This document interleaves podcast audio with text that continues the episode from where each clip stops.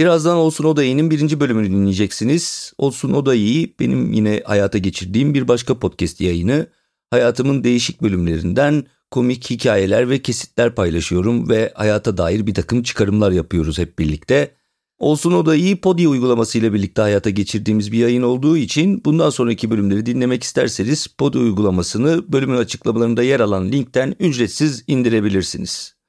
Podi'ye bu bölümü Yeni Haller kanalında yayınlamama izin verdiği için çok teşekkür ediyorum. Umarım beğenirsiniz.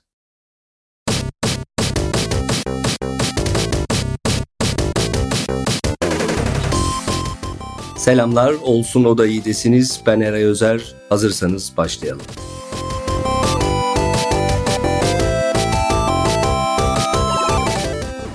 Evet, yeni bir podcast yayınıyla karşınızdayım.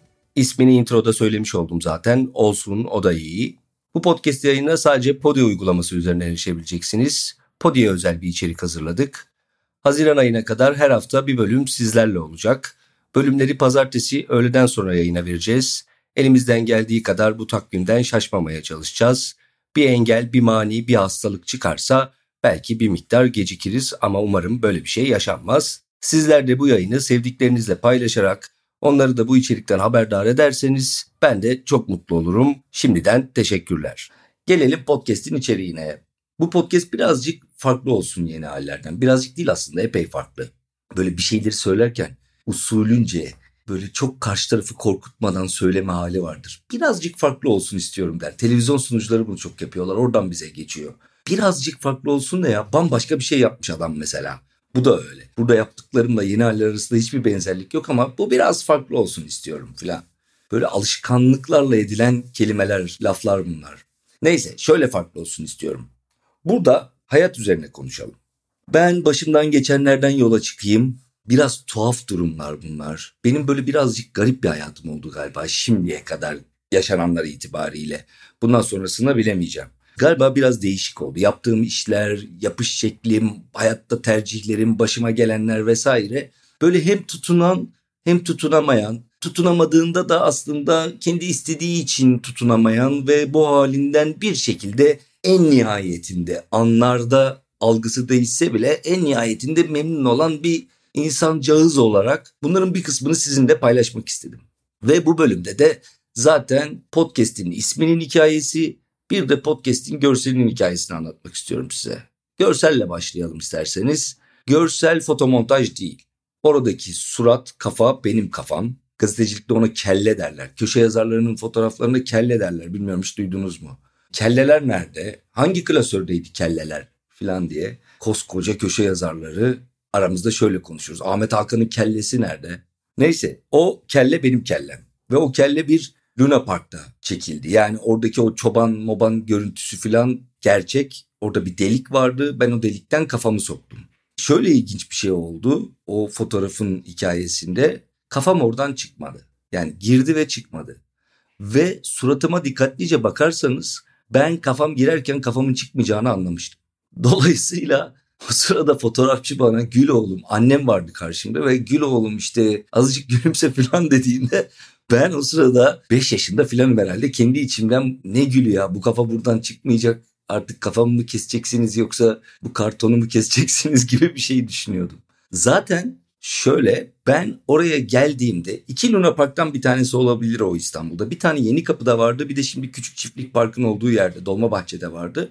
İkisinden birisi. Öyle zannediyorum ki Yeni Kapı ama emin değilim. Diğeri de olabilir. Neyse ben o fotoğraf çektirilen yere geldiğimde nasıl olduğunu bilmediğim bir şekilde anneme aslında orada fotoğraf çektirmeyi istediğime dair bir imada bulunmuş olmalıyım. Öyle hatırlıyorum. Çünkü şöyle oldu sonra annem bana Aa istiyorsan çektir hadi çektir hadi filan diye. Ben de utangaç bir çocuğum o da beni motive etmek için hadi hadi diyor. Halbuki dönüp şöyle demem lazım. Yok ya ben bunun içine kafamı sokmak filan istemiyorum. Ama bunu söyleyecek cesaretim hayatım hoca tam olarak olmadı bir sürü ortamda. Nezaket gereği bir şeyi yapmak 5 yaşından beri insanda mevcut olabiliyor. Yani dönüp de kendi istediğini çok rahat bir şekilde dile getirememek herhalde bir tür rahatsızlık. İlla ki patolojik seviyede olmasına gerek yok ama anneme o sırada ben buraya kafamı sokmak istemiyorum diyemediğim için o şeyin içerisine kafamı soktum. Soktuğum anda çıkmayacağını anladım. O anda büyük bir korku duymaya başladım. Fotoğrafçı dahil herkes beni güldürmeye çalıştı. Israrla gülmedim. Sonra kafam çıkmadı. Herhalde sarsak bir çocuktum ben çocukken. Yani kafamı soktuğum gibi çekmiyorum muhtemelen. Yani böyle kafamı yatırıp da geriye doğru çıkartmam lazım ama ona aklım basmıyor. Bu korku meselesi de enteresan. Kafamı oraya sokmaktan korktum diyorum ya. Mesela Luna Park'ta ben hayatım boyunca çok uzun yani böyle ne bileyim 16-17 yaşına kadar gondola binmedim. O balerin vardı ya balerine binmedim. Bir şeyleri yapmadan korktuğumu zannediyormuşum onlardan. Çünkü yıllar sonra balerine mi işte gondola mı ne bindiğimde yanımdaki herkes korkuyordu bir tek ben korkmuyordum. Aynısı korku filmlerinde oldu. Yıllarca hiçbir korku filmine gitmedim. Ben korku filminden korkuyorum diye. Sonra hayvan mezarlığı 2 mi 3 mü öyle bir filme gittik. Bütün salon korkudan zıplıyordu. O zaman çok korkuluyordu. Çok daha böyle sinemanın insan üzerinde gerçekçi bir etkisi vardı. Şimdi ha, o kadar çok görüntüye maruz kalıyoruz ki muhtemelen artık böyle o görüntüler bizi korkutur halde değil. Yani alıştık artık. Ne makyaj bu falan gibi bakıyoruz her şeye. Ya da işte CGI ile yapmışlar diye. O zaman korkuluyordu sahiden. Ve arkadaşlarımın tamamı çok korktular. Bir tek ben korkmadım. Acıyla ilişkim de böyle. Acı derken şey acı, biber acısından bahsediyorum. Yemeğin acısı. Yıllarca acı sevmiyorum ben dedim. Ama hiç acı yememişim. Yani bir ezber. Hayatımızın önemli bir kısmını ezberle yaşıyoruz aslında. Bu acayip bir şey. Zaten hep böyle olur. Yani insan aslında o adımı atmadığı için bir yandan da kendini kötü hisseder. Kötü hissettiği için o adımı atmaz. İşte böyle kuyruğunu yiyen yılan gibi hayat böyle geçiyor. O yüzden mesela bazı arkadaşlarım bazı yemeklerden hoşlanmadıklarını bana söylediklerinde şey diyorum onlara. En son ne zaman yedin? Çünkü benim için de yemek meselesi öyleydi. Ben patates yerdim, köfte yerdim, makarna yerdim bir de pilav yerdim. Bu kadar. Ve bu yıllarca böyle devam etti. Ve iki kere zafiyet bir kere sarılık falan geçirdim. Üniversiteyi bitirdiğimde 23 yaşında 47 kiloydum. Sonra kendime hayatta her şeyi yiyeceğim dedim ve her şeyi yedim. İnsan her şeyi yemek zorunda değil bu arada. Ben çok uzun süre hiçbir şey yemediğim için her şeyi yemeye karar verdim ama yani insanın tercihleri olabilir. Yani böyle etli bir kereviz yemeğini insan niye zevkle yer onu anlayamaya olabilirim ben de. Zeytinyağlısı güzel o ayrı portakallı filan. Ama insan her şeyi yemek zorunda değil. Demek istediğim ben hiçbir şey yemezdim. Hiçbir şeyi sevmediğime dair kendimce bir fikrim vardı. O yüzden arkadaşlarıma söylüyorum işte dolmayı yemek istemiyorlar biber dolması. Diyorum ki en son ne zaman yedin? Hala sevmediğine emin misin? O yüzden böyle sevmediğinizi düşündüğünüz şeyleri aradan geçen zamanla bir daha bakmakta yarar var. Çünkü bir sonraki bakışınızda hakikaten başka bir şey ortaya çıkmış oluyor orada. Neyse gelelim podcast'in adına. Olsun o da iyi. O daha ayrı, daha iyi birleşik yazarsanız bir tatil köyünde sevgilinize hayatım vallahi billahi bak bu oda çok güzel aslında bakma yemekler kötü ama filan diye bir şey anlatıyormuş gibi olur. Bu D'yi dahi ayırma meselesinin kritik olduğu yerlerden bir tanesi podcast'in ismi. İsmi şöyle geliyor. Benim yaşadığım bir olaydan geliyor podcast'in ismi. Olsun o da iyi benim hayatımın aslında kabaca özeti sayılır. Nasıl kabaca özeti? Herhalde 24-25 yaşında filandım. Bir gün işten çıktım radikalde çalışıyorum o zaman. Yeni başlamışım ama işte böyle 6 ay filan olmuş. Bizim Merter'de bir evimiz vardı ve o evin önünde çardak gibi bir şeydi. Annem ve bir takım teyzeler oturuyorlardı. Ben de her zamanki gibi selam verip pas geçip gideceğim. Ne olduğunu hatırlamadığım bir şekilde ben orada takıldım. Ve takılmaz olaydım. Teyzeler tarafından bir sorguya tutuldum. Bunu daha sonra Radikal Gazetesi'ne yazdım. Ama ne yazık ki Radikal Gazetesi'nin arşivini sevgili Demirören ailesi internetten kaldırmak gibi bir davranışta bulundukları için daha nasıl kibar ifade edebilirim diye birazcık düşündüm de şu anda o yazıların hiçbirine ulaşılamıyor. Kopyalarını almış mıydım? Hayır. Pişman mıyım? Evet. Ama galiba birileri arşiv geri gelsin diye çalışıyorlar. Neyse. Bunun yazısını da yazdım. Olsun o da iyi diye. Gerçekten böyle bir şey yaşandı yani.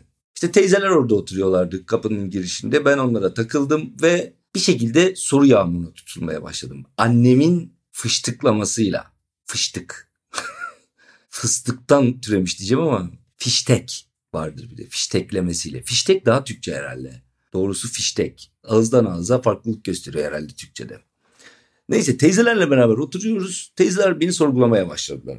O kadar acayip ki. Şöyle ilerliyor ama. Diyorlar ki liseyi okudu Eray'da Anadolu Lisesi'nde diyor annem. Annem böyle hep isim vermeden yani o hangi Anadolu Lisesi olduğunu söylemeden zamirsiz ilerleme taraftarı. Eray da Anadolu Lisesi okudu diyor.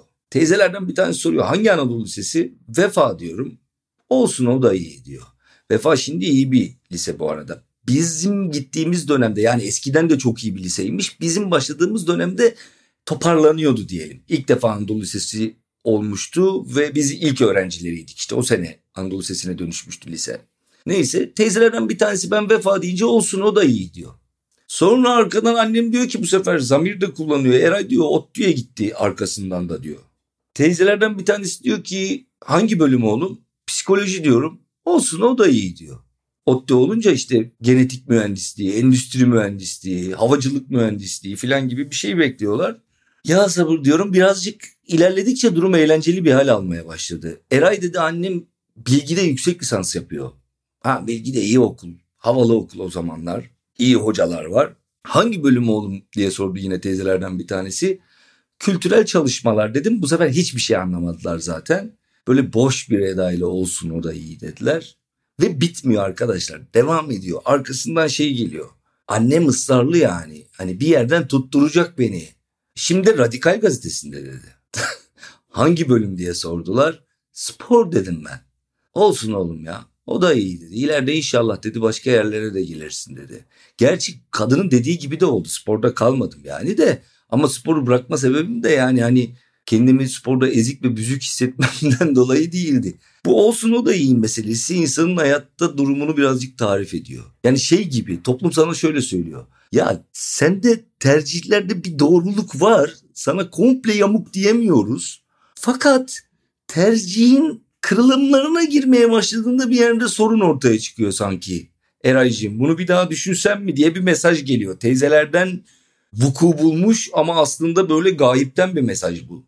Biraz akıllı ol diyor yani sistem sana. Radikalde çalışacaksan ekonomide çalış. Siyasi editör ol. Siyaset sayfalarını yap. Köşe yazısı yaz. Bir de bu vardır mesela. Yazıyor musun? Nerede yazıyorsun? Gazeteciyim deyince nerede yazıyorsun diye. Sadece yazmak zannediyorlar gazeteciliği. Böyle haşır uşur, haşır uşur, haşır uşur yazıyoruz.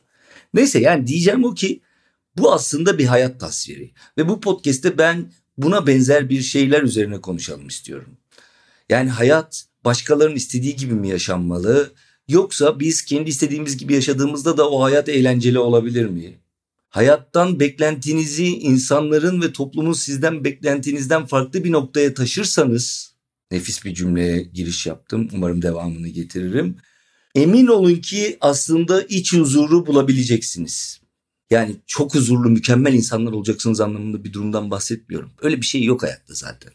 Ama geriye bakıp da böyle düz olmasa da düze benzeyen, çok uzaktan baktığınız için düze benzeyen bir çizgi görmek insanın içini müthiş rahatlatıyor.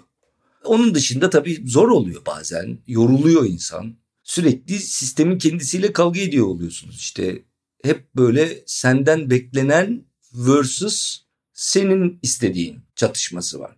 Bu her alanda var. Yani bazı durumlarda hatta siz, ben fark etmez çoğunlukla ne istediğimizi bilmiyoruz da. Yani başkalarının istediğini işte en baştaki şeye geliyoruz. O çoban deliğine kafamı sokmamı o sırada annem istedi. Çünkü benim vücudumdaki bir dili, beden dilimdeki bir şeyi yanlış anlamıştı ve zannetti ki ben oraya kafamı sokmak istiyorum. Halbuki ben kafamı o deliğe sokmak istemiyordum. Ama dönüp bunu anneme söylemedim. Öyle olunca o deliğe kafam girdi ve mutsuz oldum ve çıkmadı.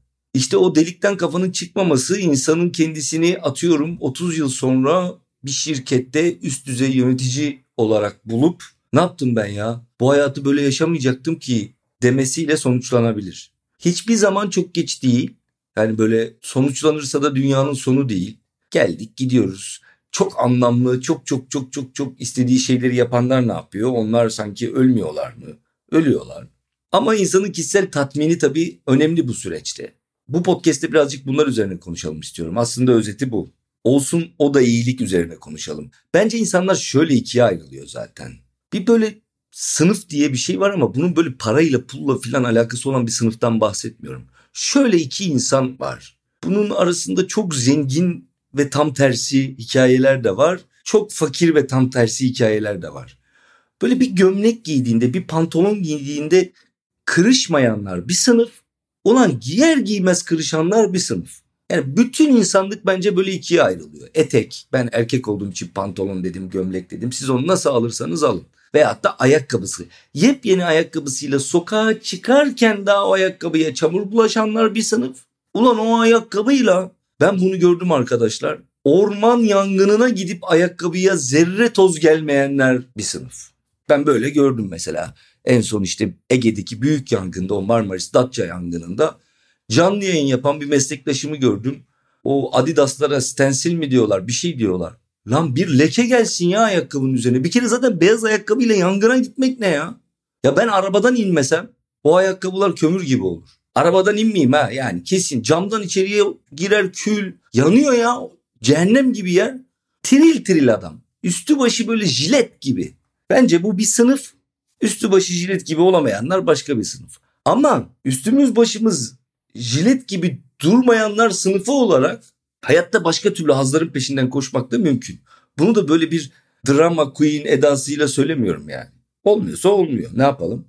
Başka türlü mutlu olmaya çalışacağız. Yani kabulleneceğiz bu durumu. Size bir şey söyleyeyim. Buradan aklıma geldi bu üstü başı jilet gibi olanlar ve olmayanlar olarak ikiye ayrılır dediğimde. Ben dergilerde çalışıyordum. Doğuş dergilerde.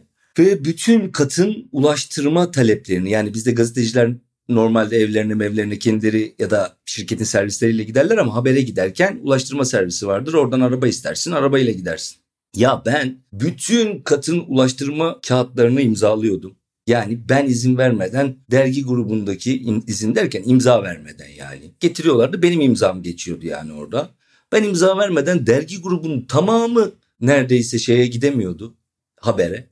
Ben 40 yılda bir bir sebeple aşağıdan araç istediğimde bir saat bekletiyordu beni. Mesela atıyorum benim imzayı verdiğim herhangi birisi arıyor ve böyle aşağıya ulaştırmaya öyle bir konuşuyor ki adam diyor ki tamam ya hemen ayarlıyorum. Bilmem ne hanım bilmem ne bey. Hemen gidersiniz oraya falan diyordu. Hakikaten 5 dakika içerisinde aracı çıkıyordu. Sizi kapıda bekliyor falan diye. Ben adama böyle Osman abi ne olur abi ya. Abi çok geciktim abi yok mu araç ya filan. Olmuyor. Yani o üzerimde durmuyor. Hatta gidip isyan etmiştim yöneticime. Nehir Özkan'la çalışıyorduk o zaman. Nehir Hanım'a dedim ki ya Nehir Hanım ben araç istiyorum. Bütün katın araç fişlerini ben imzalamama rağmen bana araç vermiyorlar. O da bana şey dedi. Bana da vermiyorlardı hürriyetteyken araba ve ehliyet aldım o yüzden dedi. yani bu bir insan profili. O da gömleği kırışanlar sınıfından çünkü. Yapacak bir şey yok. Bununla barışık olmak dışında bir alternatif de yok. Bunları böyle anlatıyorum zannetmeyin araba alamadı falan diye böyle işte kendini kahretmiş yıllarca içinde kalmış diye. Yok tam tersi. Bir süre sonra bundan mutlu olmaya başladım. Yani çünkü niye biliyor musunuz? O toplumdaki başka insanlara da erişmenizi sağlayan bir şey aslında. Böyle siz herkesle iletişim kurabilirsiniz. O gömleği kırışmayanlar sınıf herkesle iletişim kuramıyor. Bence kendileriyle de zaman zaman iletişimde sorunları var. O yüzden gömleklerini kırıştırmıyorlar. Çünkü kırışık gömlekli bir kendilerinden kendileri de o kadar haz etmiyor olabilir günün sonunda. Dolayısıyla orada bir insanın kendi içine yaptığı yolculukla ilgili bir mesafe de var bence. Neyse bu bölüm böyle konuşmuş olduk. Evet istiyorum ki tıpkı bu bölümde olduğu gibi hayatın değişik evrelerinden değişik enstantaneler anlatayım ben size. Benim anlattıklarım üzerinden de hayat üzerine birazcık kendimiz üzerine böyle kafa yoralım. İlk bölümün günahı olmaz. Kusurum olduysa affına sığınıyorum. Bir sonraki bölümde kaldığımız yerden devam ederiz. Ciao Bella.